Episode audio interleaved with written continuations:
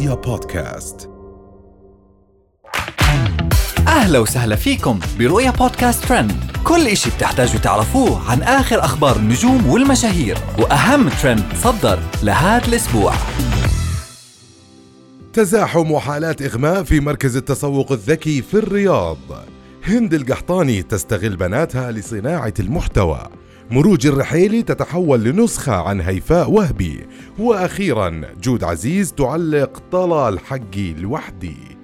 تداول رواد السوشيال ميديا مقاطع وفيديوهات ظهر فيها تزاحم المواطنين على عروض مركز التسوق الذكي في الرياض واللي أظهر التدافع الكبير اللي أدى إلى وجود بعض حالات الإغماء وحاولت سيارات الإسعاف والدفاع المدني الوصول والتواجد في الموقع ولكن الازدحام الشديد منعهم من الوصول مما أدى لإسعاف بعض المصابين من قبل المواطنين نفسهم.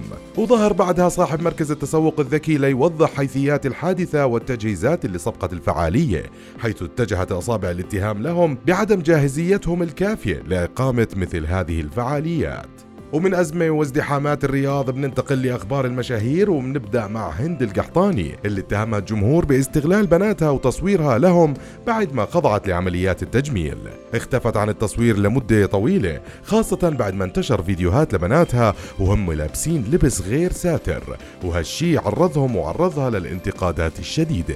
من هند القحطاني وبناتها بننتقل لمروج الرحيلي واللي أثارت الجدل مؤخرا بعد ما ظهرت بإطلالة شبيهة جدا بالفنانة هيفاء وهبي بعد ما خضعت لأكثر من عملية تجميل الشيء اللي جعلها تبدو أكثر شبها لها.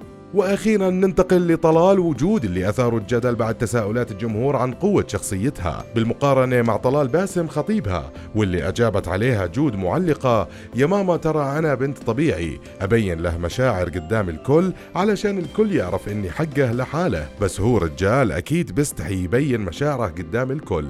فعادي كل واحد وشخصيته الله يخليه لي يا رب ولا يحرمني منه. وكانت الغيرة هي السبب الأكبر للانتقادات اللي واجهها الثنائي خاصة بعد ما أعلنوا انفصالهم ورجوعهم مؤخرا بعد أقل من 24 ساعة.